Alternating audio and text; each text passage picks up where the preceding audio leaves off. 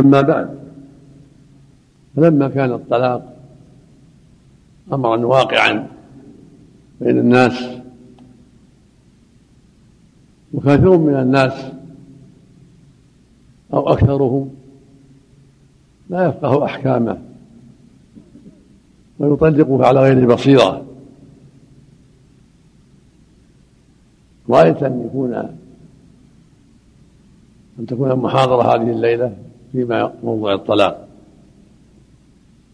وبيان المشروع والممنوع والمباح والتفصيل في ذلك حتى يكون المؤمن على بصيرة وحتى يحذر ما نهى الله عنه. فإن الطلاق مما تعم به البلوى ويحصل به بعض الأحيان مصائب عظيمة. تفريق بين الرجل وأهله. مضرة الأولاد مضرة النساء مضرة المطلق.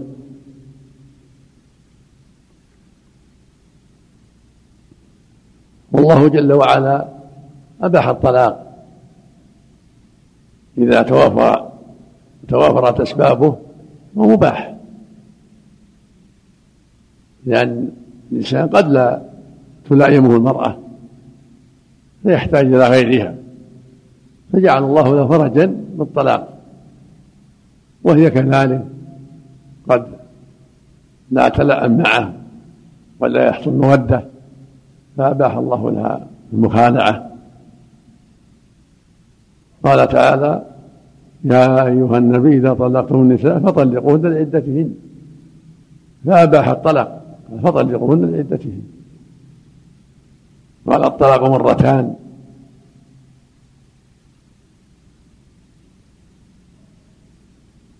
فالمقصود أن الطلاق هو تخرية المرأة إطلاق سراحها وله أحكام خمسة المباح والمستحب والمكروه والمحرم. والواجب تدخل أحكام الخمسة. يدخله أيضا صحته والبطلان. فجميع الأحكام توجد في الطلاق. فيجب أن يكون المؤمن على بينة على بصيرة حتى لا يقع فيما حرم الله عليه وحتى لا يقع منه ما يضره.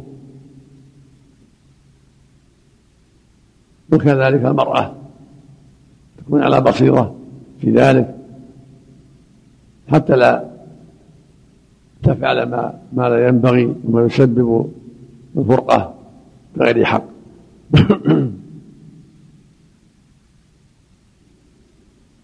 وجاء في هذا الباب آيات كثيرات.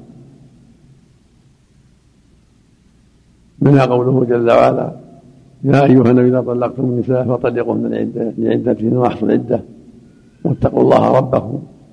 الآية منها قوله جل وعلا الطلاق مرتان فإمساك بمعروف وتسريح بإحسان. الآية منها قوله جل وعلا إذا طلقتم النساء فأمسكوهن معروف أو سرحوهن بإحسان ولا تمسكوهن امرأة لتعتدوا. ولا فإن طلقها يعني الثالث فلا تحل حتى تنكح زوجا غيره. ولو المطلقات يتربصن بهم ثلاثة قروء ففي طلاق عدة آيات. وهو مثل ما تقدم. تشمله الأحكام الخمسة.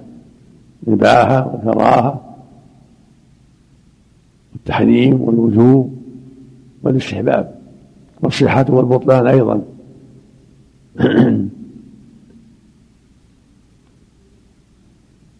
فيباح للحاجة إذا احتاج الزوج إلى الطلاق يباح. إذا دعت المصلحة لذلك يباح. قال النبي صلى الله عليه وسلم أبغض الحلال الله الطلاق. أبغض الحلال إلى الله الطلاق. وحديث جيد صحيح. بين الرسول أنه حلال ليس بحرام ولكنه مبغوض مبغوض إلى الله. يعني تركه أولى مهما أمكن. لأن الطلاق فرقة والاجتماع على الخير التعاون أولى إلا إذا اقتضت المصلحة الفراق كما قال الله سبحانه وإن يتفرقا يغني الله كل من سعته إذا دعت المصلحة للفرقه فالفرقه فيها راحة للجميع. وإن يتفرغا يغني الله كل من سعته وكان الله واسعا حكيما.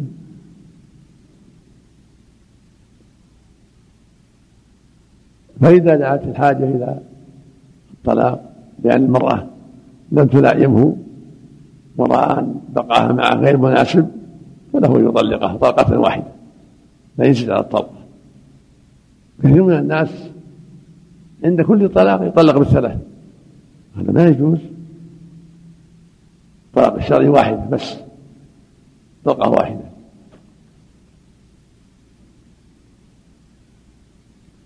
حتى يتمكن من الرجعة إذا أراد. قد تندم. فيراجعها. قد يندم هو فيراجع. قد يتوسط بينهما. من يتوسط فيراجع. السنة طلقة واحدة إذا دعت الحاجة إلى الطلاق يكون المرأة لم تلائمه أو فلم يلائمها طلبت منها الفراق يباح له طلقة واحدة. حتى لا يندم أو تندم فيه أو يندمان جميعا.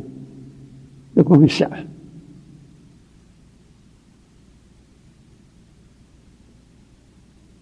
وله الرجعة. لقوله سبحانه وبعولتهن الحق بردهن في ذلك إن أرادوا إصلاحا. لما ذاك الطلاق الرجعي والمطلقات يتربصن بهم ثلاثة قروء يعني ثلاث حيض ولا يحلون أن يكتون ما خلق الله في أرحامهن إن كن يؤمن بالله واليوم الآخر. ثم قال سبحانه وبعولتهن أحق بردهن في ذلك إن أرادوا إصلاحا. ولهن مثل الذي عليهن بالمعروف وللرجال عليهن درجة والله عز حكيم ثم قال الطلاق مرتان. فإمساك معروف أو تسريح بإحسان إما إمساك طيب يحسن إليها ويطيب عشرتها ويقوم بالواجب ولا يؤذي ولا يضر ولا يظلم أو تسريح بإحسان تصدقها بدون مضرة بدون إيذاء.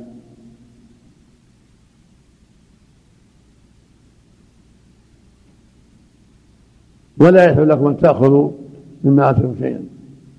لا يؤذيها حتى تعطيه المال. لا ما يجوز له إذا ما ناسبته لا يؤذيها. يطلقها طلقة واحدة والحمد لله. كل يعطي يغنيها الله من سعته أما أن يؤذيها ويظلمها حتى تفتدي حتى تعطي حتى تعطيه المال هذا لا يجوز. ولهذا قال سبحانه ولا تأخذ ما شيئا.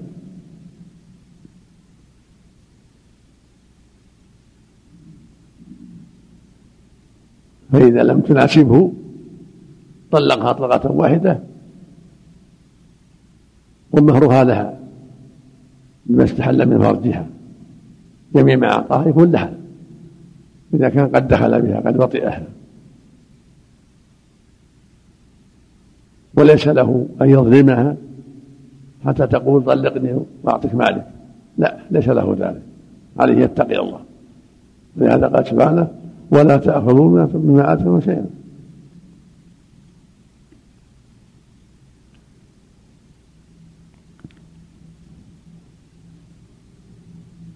قال تعالى ولا, ولا يذهب بعض ما آتاهن إلا أن يتم شيء مبين ليس له عضلها حتى حتى تعطيه المال. المقصود أن الواجب عليه العدل والرحمة وعدم الظلم. بعض الأزواج قد يؤذيها ويظلمها حتى تعطيه المهر حتى تفتدي وهذا لا يجوز. إلا أن يخاف أن لا يغفرون الله. فإن خفتم أن لا يغفرون فلا جناح عليهما في مساجده. إذا كل واحد يخاف من ألا يقوم بالواجب ولم تحصل الملائمة واتفق عن تراضي عن غير ظلم عن تراضي إنها تعطيه حقه يطلقها لا بأس من دون ظلم.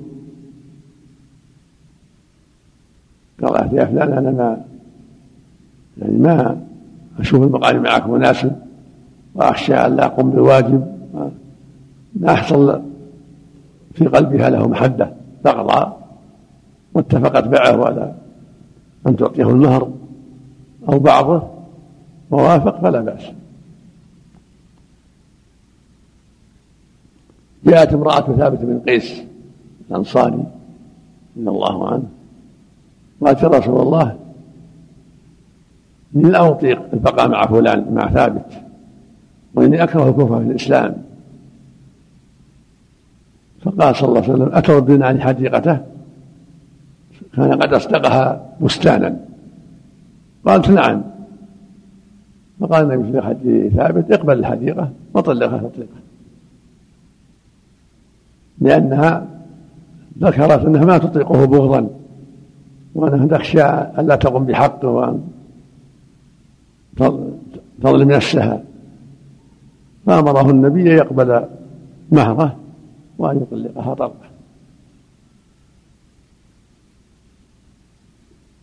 وهذا معنى قوله وإذا تفرقا يغني الله كل من سعته ومعنى قوله إلا إذا خافا ألا يقيم حدود الله.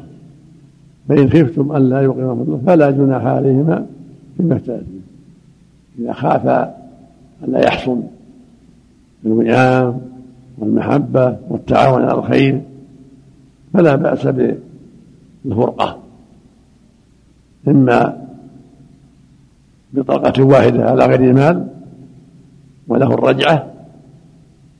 وإما بمال منها المهر أو بعضه ويطلق ويكون طلاقا باين ليس فيه رجعة. إذا كان بعوض ليس فيه رجعة. إلا بعقد جديد ورضاها إذا كانت طلقة واحدة. ما قبلها طلقة لأنها إذا سلمت المال ملكت نفسها وصار الفرقة لازمة. فإن رجع وأحب الرجوع فلا بأس بعقد جديد. إذا كانت المخادعة ليست آخر الثلاث. والمقصود من هذا أن أن الطلاق مباح إذا دعت الحاجة إليه. ولو بالمال ولو بالمخادعة من الزوجة. المهر أو بعضه. واختلف العلماء في الأكثر. هل يطلب أكثر أم لا؟ والأولى ألا يطلب أكثر. وأن يكتفي بمهرها فقط الذي أعطاها. ولا يطلب زيادة. لأنه روي عن النبي صلى روي عن النبي صلى الله عليه وسلم قال لثابت خذ الحديقة ولا تزد اقبل يعني اقبل ما أعطيتها ولا تزدد نطلب الزيادة. فينبغي للزوج أن يرضى بالمهر فقط لا لا يطلب الزيادة. المهر المهر وتوابعه. هذا عند اتفاقهما على الخلع لأنها لا ترى بقاءها معه ترغب الانفصال.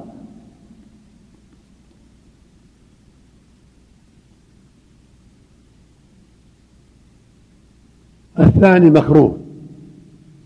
النوع الثاني طلاق مكروه. ليس مباح بل مكروه وليس بمحرم. وذلك إذا كان طلاق من غير علة من غير سبب مجرد شهوة أو مجرد تساهل يكره.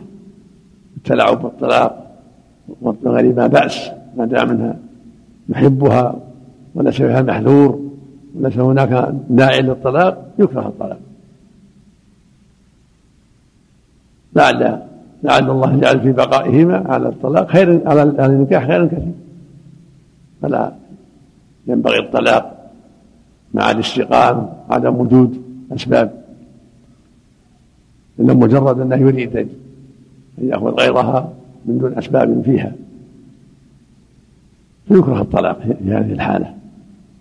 لعدم وجود أسباب تقتضيه.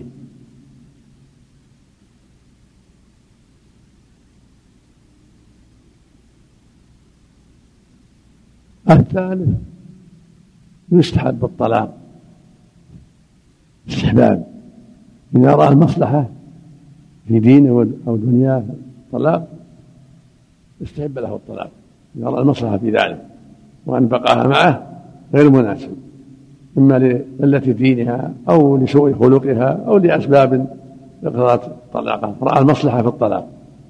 المصلحة الشرعية يستحب لها الطلاق. طلقة واحدة لا يزيد عليها. لأن قد يندب فيراجع. وإن كان قد طلقها سابقا طلقها الثانية فقط. لا يزيد. هذا هو السنة. حتى إذا أراد الرجوع رجع.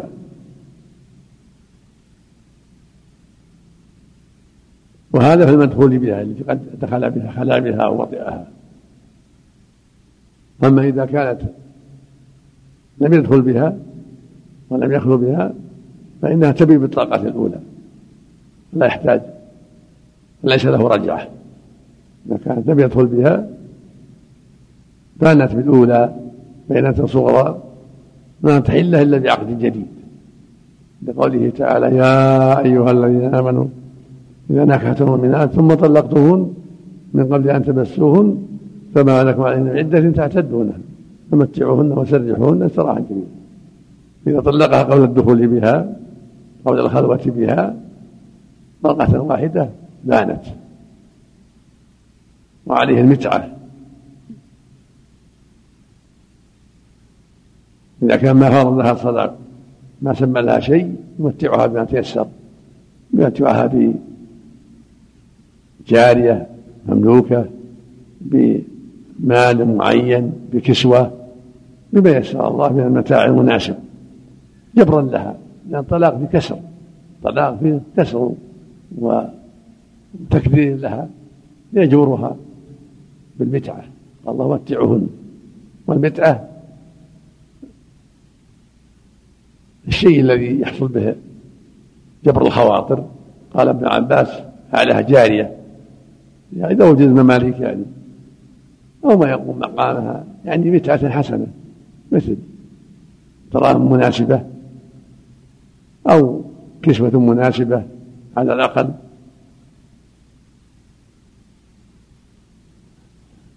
أما إن كان سمى مهر لها النصف. فطلقها قبل الدخول عقد عليها ثم طلق. قبل الدخول بها قبل الخلوة. أراد الله أنه يطلقها قبل ذلك. إما من سبب منه أو من سبب منها أو لسبب خارجي. المقصود طلقها قبل الدخول. ففي هذه الحالة له النصف كان سمى لها شيء. لقول الله تعالى وإن طلقتموهن من قبل أن تمسوهن وقد فرضتم لهن فريضة فنصف ما فرضتم إلا أن يعفون. الآية. فإذا كان طلقها قبل مسيس يعني قبل أن يطأها قبل الخلوة بها لأن الخلوة بمنزلة المسيس. كما أفتى بذلك الخلفاء الراشدون. فإذا كان قد وطئها أو خلا بها فلها المهر كله. إذا طلقها لها المهر كله. لكن إذا كان ما خلا بها ولا ولا مسها يكون له النصف. نصف المهر كان أعطاها مهر عشرة آلاف ترد عليه خمسة. أعطاها مئة ألف ترد على خمسين. النصف.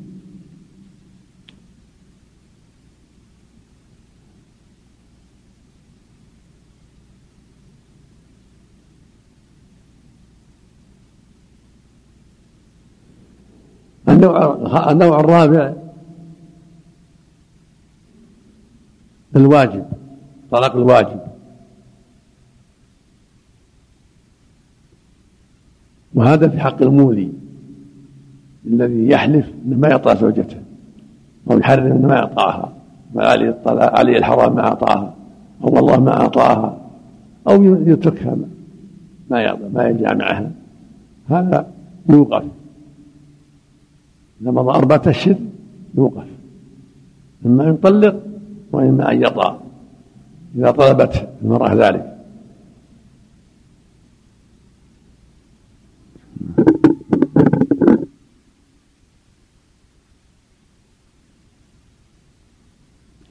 من قول الله سبحانه للذين يؤلون من نسائهم تربص أربعة أشهر فإن فاءوا فإن الله غفور رحيم وإن عزموا الطلاق فإن الله سميع عليم.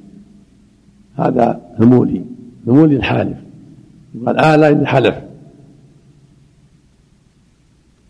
فإذا قال والله لا أعطاؤها أو علي الحرام ما أعطاؤها أو ما أشبه ذلك يمهل أربعة أشهر. يمهل أربعة أشهر. فإذا مرت الأربعة يوقف. إذا طلبت المرأة ذلك قالت أما يطلقني ولا جامعني يحسن العشرة فإذا قالت ذلك يوقف. فيقال إما أن تطلق وإما أن تطأ ترجع إلى معاشرة زوجتك بالمعروف. أنت ليس لك الظلم. المضارة ليس لا الضرر هذا ظلم. حتى لو ما لو ما حلف لو ما آلى. إذا تجنبها مضارة لها توقف. يوقف إذا طلبت ذلك. فإما أن يطأ وإما أن يطلق. بعد مضي أربعة أشهر. فإن سمحت ولم تطلب شيئا فلا حاجة. لا يوقف. أو كان به علة. هذا يقال لها العدين إذا كان علة يومها سنة. فإن مضت السنة ولم يضع فلها الخيار إن شاءت طلبت الطلاق وإن شاء وإن شاءت سمحت. فإن طلبت وأبى فسخ عليه الحاكم. القاضي بعد السنة.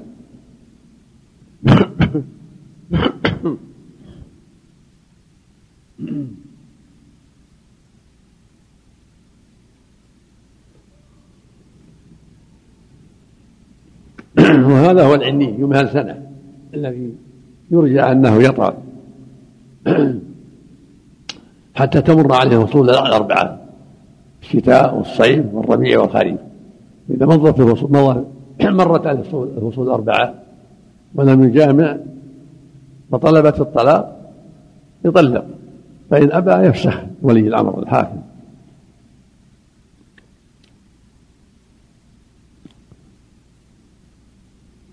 فالطلاق هنا واجب إلا أن تسمح. أن تسمح عنه فلا بأس. والواجب طلقة واحدة. يطلق واحدة فقط. وليس له الرجعة لا يضارها إلا إذا رضيت سمحت فله الرجعة. لأن الطلاق لأن المقصود الفرقة بينهما وإراحتها. فإذا طلقها طلقة واحدة بسبب الإيلاء ثم رجعت له المراجعة وإلا فليس له المراجعة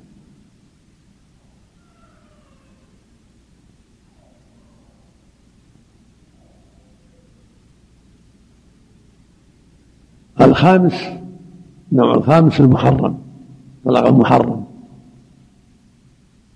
وهو أنواع. طلاق المحرم أنواع. النوع الأول أن يطلقها بالثلاث طالق بالثلاث. أو طالق ثم طالق ثم طالق.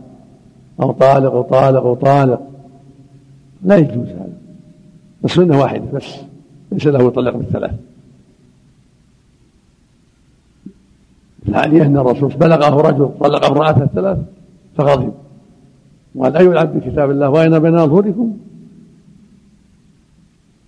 ولم عمر للي طلقها ثلاث. قال عصيت ربك بما أمرك من طلاق امرأتك. لا يطلق ثلاث الله جعل له فسحه طلق واحد حتى يكون له فسحه إذا أراد الرجعة. فتطيب الثلاث محرم. سواء بلفظ واحد أو بألفاظ. ليس له أن يطلق بالثلاث. السنة واحدة. وإن طلق اثنتين وقعت. لكن يكره ان يطلق اثنتين. طلق واحدة تكفي أما طلاق الثلاث فمحرم ممنوع.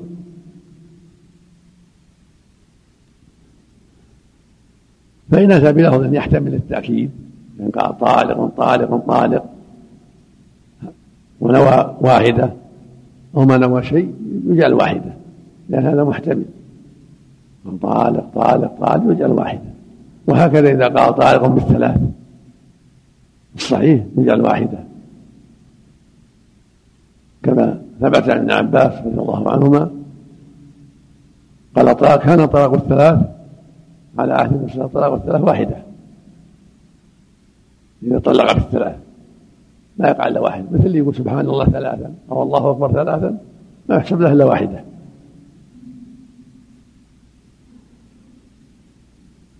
وهكذا قال طالق طالق طالق ما له؟ ولا ولا نوى الثلاث تحسب واحدة. أو أو أراد التأكيد تحسب واحدة. أو قال أنت طالق أو أنت طالق أنت طالق أو تراك طالق تراك طالق قصده التأكيد. أو الإفهام ما قصده الثلاث. تكون واحدة على نيته أما إذا قال طالق ثم طالق ثم طالق تقع الثلاث. أو طلقها في أوقات طلقها اليوم طلقة. بعد طلقة واللي وراها طلقة. ينوي الثلاث وقعت الثلاث. والمشروع أن لا يطلقها زيادة واحدة تكفي. ثم يراجع. فإن خرج من العدة راجع بعقد جديد. وإن كان في العدة راجعها بدون عقد. راجعت امرأتي أو رددت امرأتي أو ما أشبه ذلك. ما دامت في العدة في طلقة واحدة أو طلقتين. أما جمع الثلاث أنت طالق بالثلاث أو أنت طالق ثم طالق ثم طالق. أو أنت طالق وطالق وطالق أو أنت طالق أنت طالق أنت طالق. ناوي الثلاث؟ أو ما أو كررها بغير نية تقع الثلاث. بخلاف إذا قال طالق طالق طالق. هذا اللفظ يستعمل دائما للتأكيد. فلا يقع به إلا واحدة.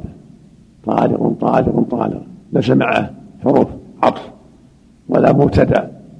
طالق طالق. مثل ما يقول زيد زيد زيد. أو هذا كذا كذا كذا يعتبر واحدة. طالق طالق طالق أو مطلقة مطلقة مطلقة. ولا ولا ليس له نية الثلاث يعتبر واحدة.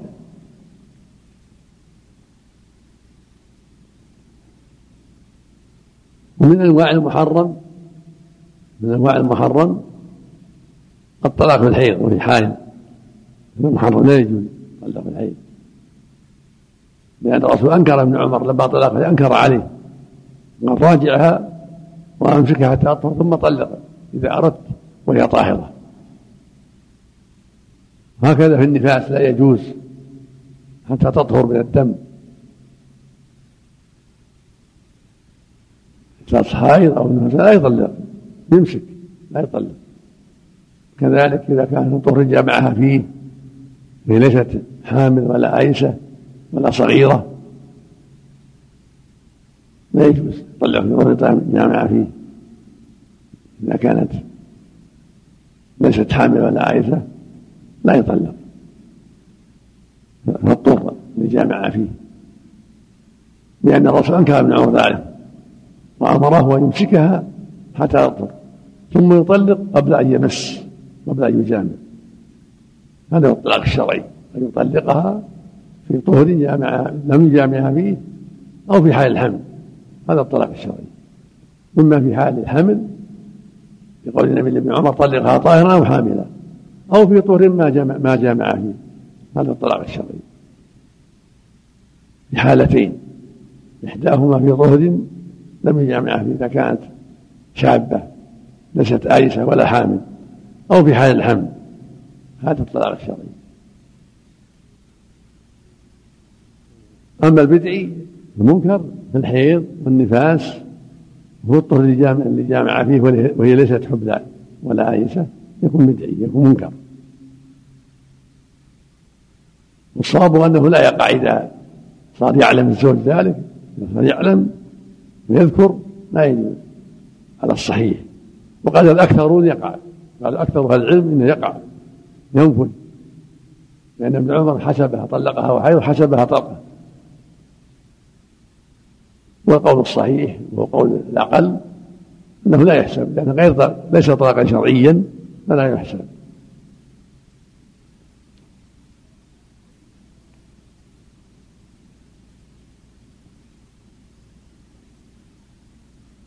وبهذا يعرف أن الطلاق الشرعي في حالتين في الطهر الذي الجامع فيه إذا كانت غير حبلى ولا آيسة أو في حال الحمل. أما كبيرة الآيسة طلقها متى شاء. إذا حب إذا أحب الطلاق الذي له أسباب وهكذا الصغيرة التي لم تعظ وليس منها الحمل التي قبل التسع ولم يطعها التي قبل التسع طلقها متى شاء طلقة واحدة فقط. وهكذا التي بلغت تسع فأكثر. ولم يطعها طلقها متى شاء. أما إذا كان بلغت تسع وقد وطئها وليست حاملا وليست آيسة ليس له طلاقها في هذه الحال حتى تطهر من حيضة أخرى قبل أن يقع قبل أن يطلقها. كما أمر النبي بن عمر بذلك أمره أن يمسكها حتى تطهر ثم تحيض ثم تطهر ثم يطلق إذا شاء. والطلاق الشرعي في حالتين إما في حال الحمل وإما في حال طهر ليس فيه جماع. إذا كانت ليست عائشة هذا من المصلحة. أما المنكر ففي ثلاث حالات في حال الحيض في حال النفاس في حال الطهر الذي جامعه فيه ولم يتبين حملها. هذه الثلاث لا يطلق فيها.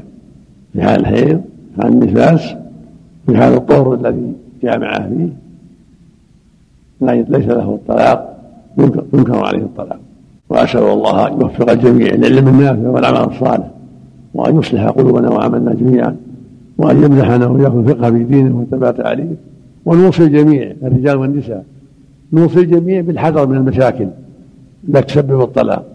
نوصي بالحلم الرجل بالحلم والمرأة بالحلم. نوصي الجميع بالحلم وعدم المنازعات وعدم السب والشتم. الذي يسبب الطلاق نوصي الجميع بحل المشاكل بالكلام الطيب. لا بالنزاع والمسابة والمضاربة لا. الواجب على الجميع الزوج والزوجة عند الإشكال الحلم والصبر حل المشاكل بينهما بالطرق الطيبة السليمة بالرفق. لا بالضرب ولا بالسب والشتم. لا منه ولا منها. هذا هو الطريق الذي ينبغي. نوصي الجميع بحل المشاكل الزوجية بالطرق الطيبة بالأسلوب الحسن بالرفق بالكلام الطيب بالوعد الحسن. وينبغي أن يعلم أنه يجوز أن يكذب عليها ولها أن تكذب عليه في مصلحتهما حتى يزول الغضب. تقول أم كلثوم بنت عقبة بن أبي معيط رضي الله عنها إنها سمعت النبي صلى الله عليه وسلم يرخص في الكذب في ثلاث في الحرب وفي الإصلاح بين الناس وفي حديث الرجل امرأته والمرأة زوجها. يجوز لهما الكذب فيما بينهما. كذب لا يتعداهما ولا يضر غيرهما. فله أن يكذب عليها ليرضيها حتى يزول النزاع. ولها أن تكذب عليه حتى ترضيه حتى يزول النزاع حتى لا يقع الطلاق. كذب يخصهما لا يتعلق بغيرهما ولا يضر غيرهما. كذب خاص بينهما. مثل يقول لها أنا أعطيت كذا أشتري لك كذا أفعل كذا اللي يرضيها. أشتري حاجة فلانية آه، أذهب بيت البيت هلت اليوم الفلاني؟ أذهب بيت المنسى في اليوم الفلاني الساعة الفلانية أعطيت الدرهم الفلانية أعطيت ألف ريال أعطيت ألفين أعطيت عشرة يعطي يتكلم كلاما يرضيها. ولو ما وفى به ولو لم يفي في المستقبل. إذا زال الغضب سامحوا بعدين الوفاء بعدين. إن أوفى أو ما أوفى لكن يرضيها الآن يزيل الإشكال يزيل الفتنة ولو بالكذب. أعطيت كذا اسمحي. أعطيت عشرة آلاف عشرين ألف. كذا. تقول أروح إلى أهلي ما يخالف. أروح إلى الليلة باسر حتى يطفى الغضب. اشتر كذا حضر كذا ذاهب إن شاء الله بالكلام الطيب. ثم بعدما يهدأ الغضب يزول يزول المشكل. وهي تقول كذلك. هي لها أن تكذب عليه. تقول سوف ما ما أخرج أبدا. سمع وطاعه ما أخرج أبدا. سمع وطاعه ما أروح لبيت أهلي في اليوم الفلاني. سمع وطاعه ما أفعل هذا. سمع وطاعه إني أحضر الطعام في الوقت الفلاني. سمع وطاعه إني أصلح كذا. حتى ولو كذبت. حتى يطمئن. حتى يهدأ الغضب. حتى يزول الإشكال. حتى يزول الشيطان. والخلاصة أن له أن يكذب عليها ولها أن تكذب عليه في حدود مصلحتهما. لا يتعداهما في حدود مصلحتهما فقط. لا يكون الكذب يضر غيرهما بل فيما يتعلق بينهما. وفق الله الجميع وصلى الله وسلم على نبينا محمد وعلى آله وأصحابه.